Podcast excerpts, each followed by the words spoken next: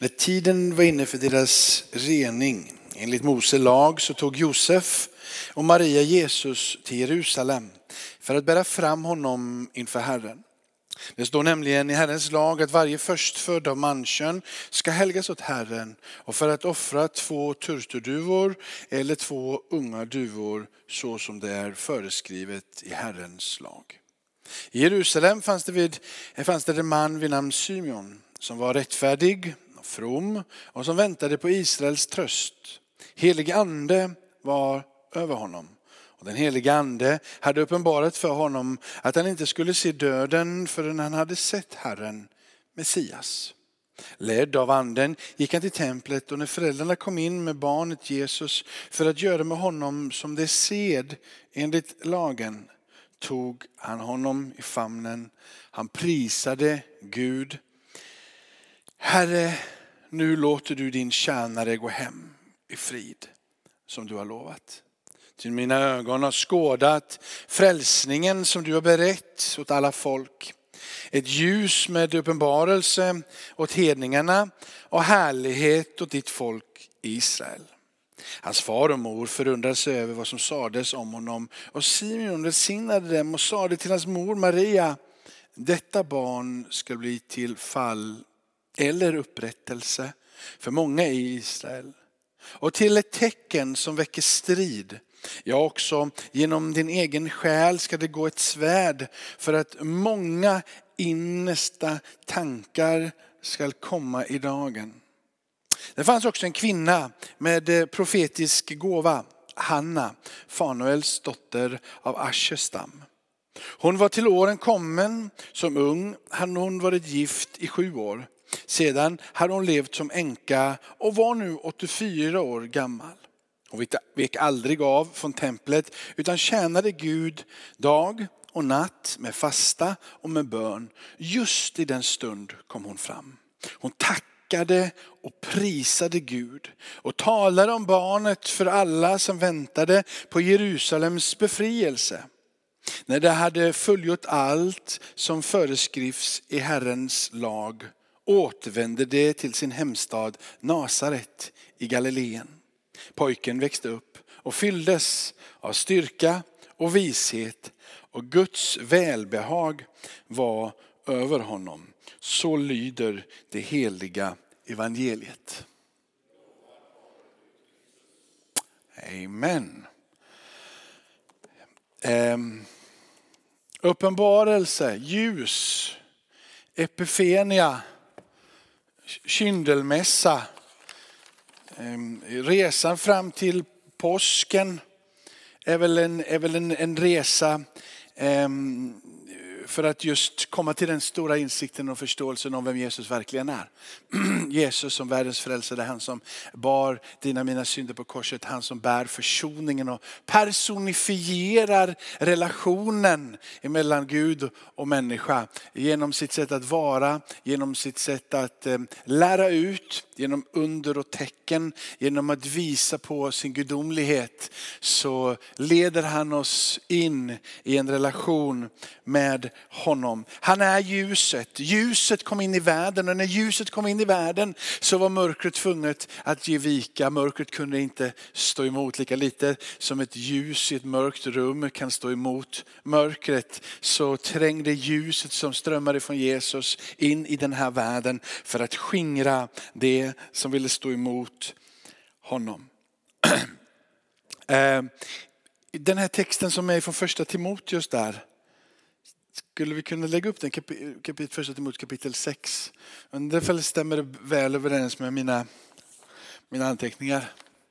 Eftersom det är olika översättningar. Men eh, jag gillar, jag gillar, jag gillar det här. När Paulus ger ett uttryck för att jag uppmanar inför dig Gud. Jag uppmanar dig inför Gud. Jag uppmanar dig inför Gud Eh, Timoteus, jag uppmanar dig, jag, jag kallar på dig, men det, det är inte jag som först och främst kallar på dig, utan jag kallar på dig eh, för att du står inför Gud. Gud som vet allt, Gud som känner ditt hjärta, Gud som är fullständigt medveten om vem du är. Gud som vet dina innersta tankar, Gud som vet allting som rör sig runt omkring dig. Det är inför honom jag kallar på dig. Jag kallar på dig inför Gud. Och ibland så tänker jag så här, är det verkligen så? Är jag så väl medveten om att Gud faktiskt vet vad jag är, att Gud hör mig, att Gud ser mig, att när jag agerar ogudaktigt, förhoppningsvis aldrig, men om jag väl nu skulle göra det, eh, faktiskt Gud vet det. Att när jag viskar mina hemligheter i Mimmis öra, faktiskt så vet Gud om det. Är jag så medveten om hans existens? Är det så att jag faktiskt har Guds fruktan överst på min lista? Eller är det så att jag tror att jag kan komma undan med vad som helst? Inför Gud. Inför Gud, han som ger liv åt allt. Det vill säga att utan att han ger liv så finns det inget liv. Utan att det är Gud som är initiativtagare så är det inte mycket vi har att hämta i den här världen. Det är han som ger det och det är vi som tar emot det inför Kristus.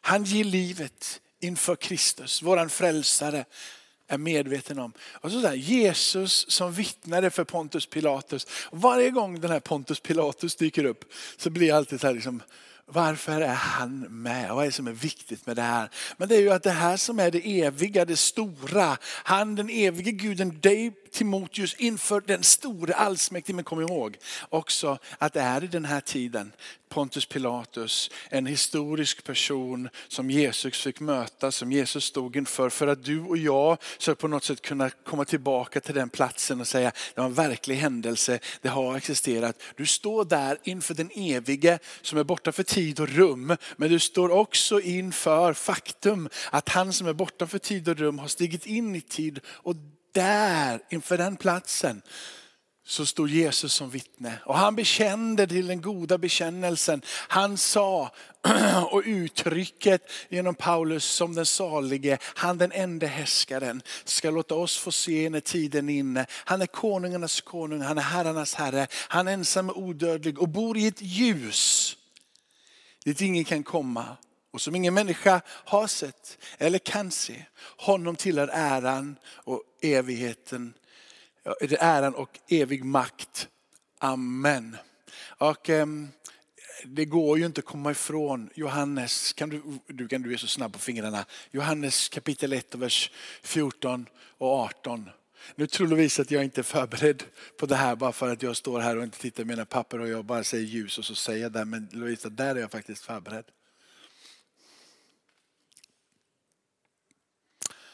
Det står inte så mycket om, om ljus i den här texten utan det som, det som sammanfattas i den här texten är vad det här ljuset är.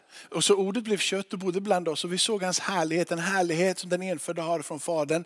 Det är ljuset, ljuset som lyser upp i mörkret, ljuset som förklarar vem Gud är. Den här härligheten är Guds ljus. Han steg in i den här världen. Några verser tidigare så står det just att det här ljuset kom Johannes vittnar om honom och ropar, det var honom jag sa, det han som kommer efter mig är före mig, för han var till före mig. Och så pratar Johannes på samma sätt som Paulus om den evige guden, härskarnas herre, han som alltid har funnits, han som är odödlig, han som på något sätt är ogreppbar men kan bli gripbar av hans fullhet det fullkomliga har vi fått. Han har allting, han äger allting. Han kan förmedla allting. Han som ger liv åt alla.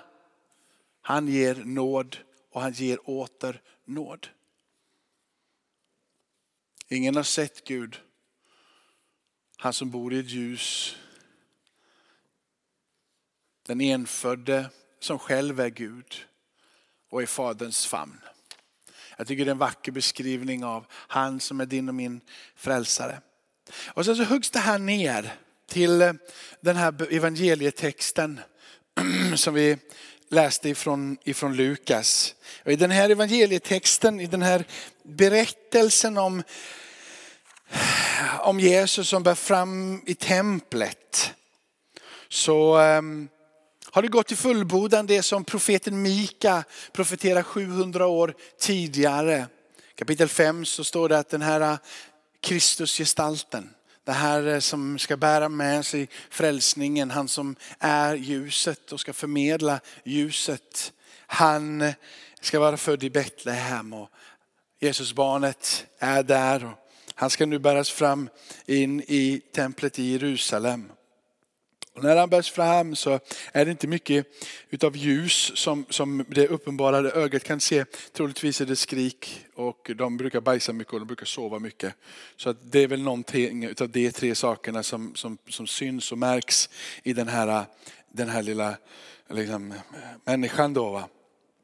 Och när de bär fram honom så eh, i vers 25 så, då det, så står det så här, och på den tiden fanns i Jerusalem en man som hette Simon och han var rättfärdig och gudfruktig och han väntade på Israels tröst och den heliga ande var över honom. Jag vill koppla, koppla ihop den, den trösten och att anden var över honom. Jag tror att, att om du och jag ska vänta Eh, eh, på tröst eller vänta i förväntan, vänta i längtan, vänta uthålligt, enträget, att ständigt och jämt fortsätta att söka Herrens ansikte så behöver vi uppleva att anden är över oss, att anden är med oss.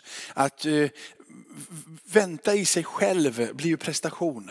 Att kämpa i sin egen kraft för att hålla fast vid det som Gud har lovat blir någon form av asketiskt levande. Du slår dig själv till lydnad. Jag kämpar i egen kraft för jag vill ha det som Gud har lovat och så håller du fast vid det. Men om, om den här längtan och väntan på trösten ifrån Gud, eh, mötet med honom, närvaron av honom eller vad du nu än vill att det ska vara för någonting. Om det också fick vara i kombination med att anden är över dig, att du fick hämta liksom kraften och styrkan ifrån det som Gud redan har gett dig för att vänta på det som han har lovat dig.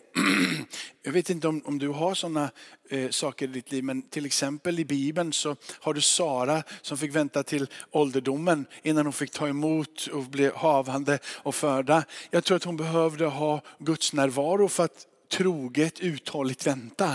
Jag tror att hon behövde ha med sig Gud för att vänta. Jag tror att vi behöver, när Gud säger någonting så behöver vi också Gud för att leva in i det, hålla fast vid det och fortsätta att hoppas på det. Att Jesus fick vara det som är det centrala, det som är det viktiga, det som vi sträcker oss efter för att fortsätta den goda kampen som Gud har kallat oss in i. Så han väntade på Israels tröst och anden var över honom. I vers 26 så står det av den helige ande så hade han fått uppenbarelsen att han inte skulle se döden för han hade sett Herrens mode. Så anden hade ju redan uppenbarat det för honom och han höll fast vid vad Gud hade sagt. Men i att han höll fast vid det Gud hade sagt så var han inte ens ensam där för han höll fast vid uppenbarelsen som Gud hade lovat. Han hade en inre förnimmelse av det men han upplevde också Guds närvaron i väntandet.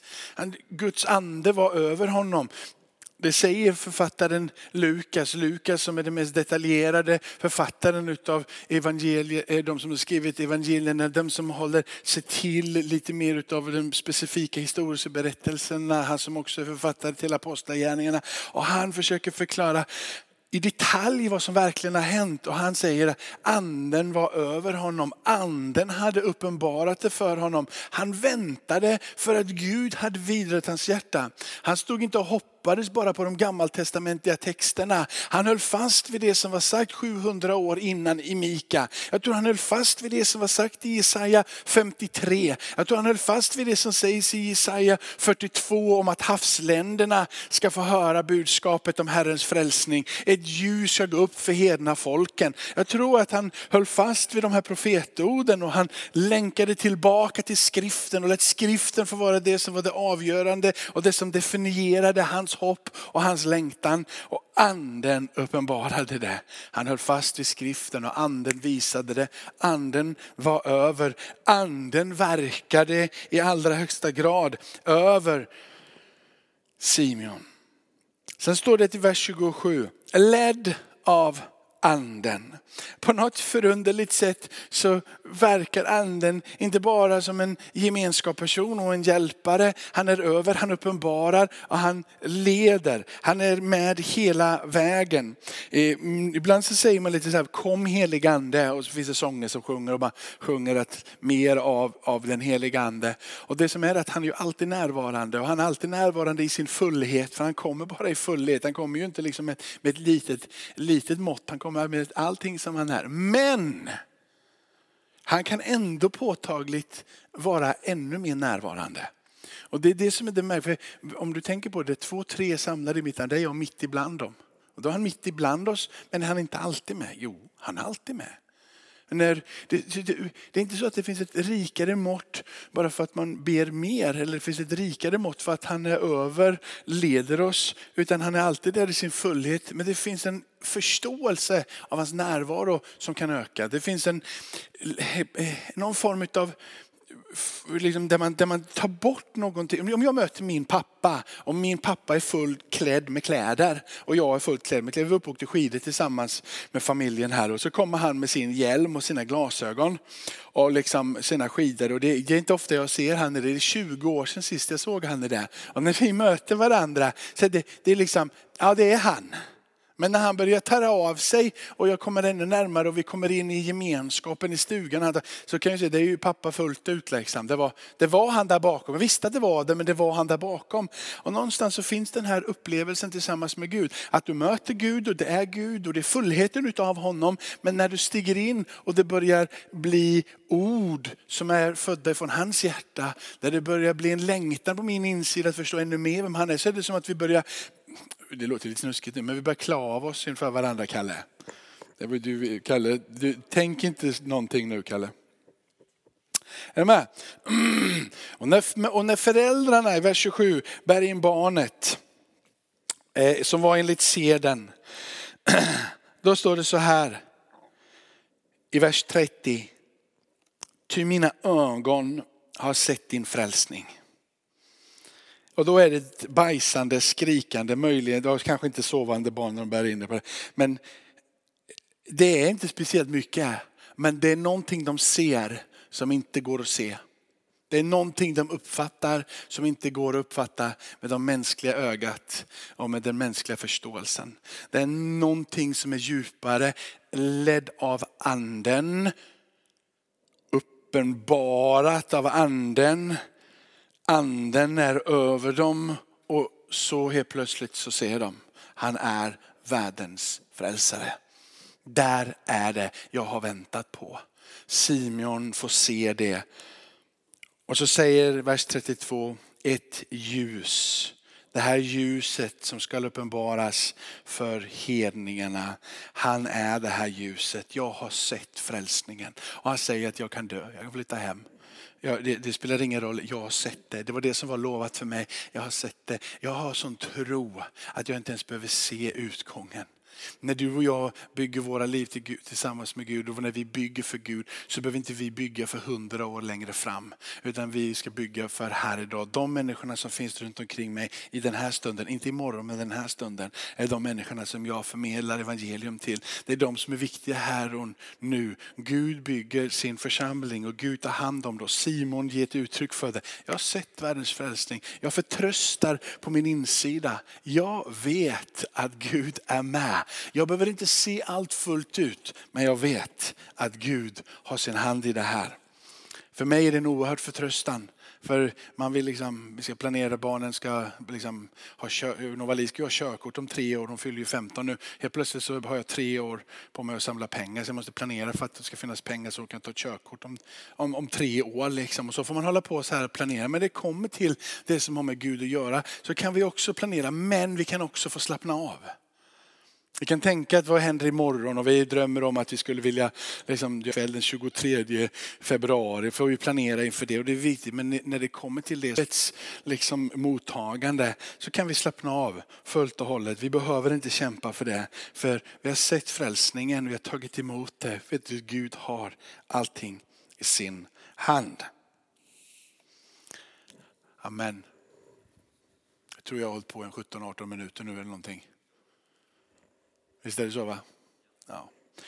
Då går vi för landning. Den, eh, det finns en profetissa i slutet av den här berättelsen. Eh, och den här profetissan hon har levt i templet. Och min gissning är att det är någonstans runt en, en 60 år. Hon är 84 år.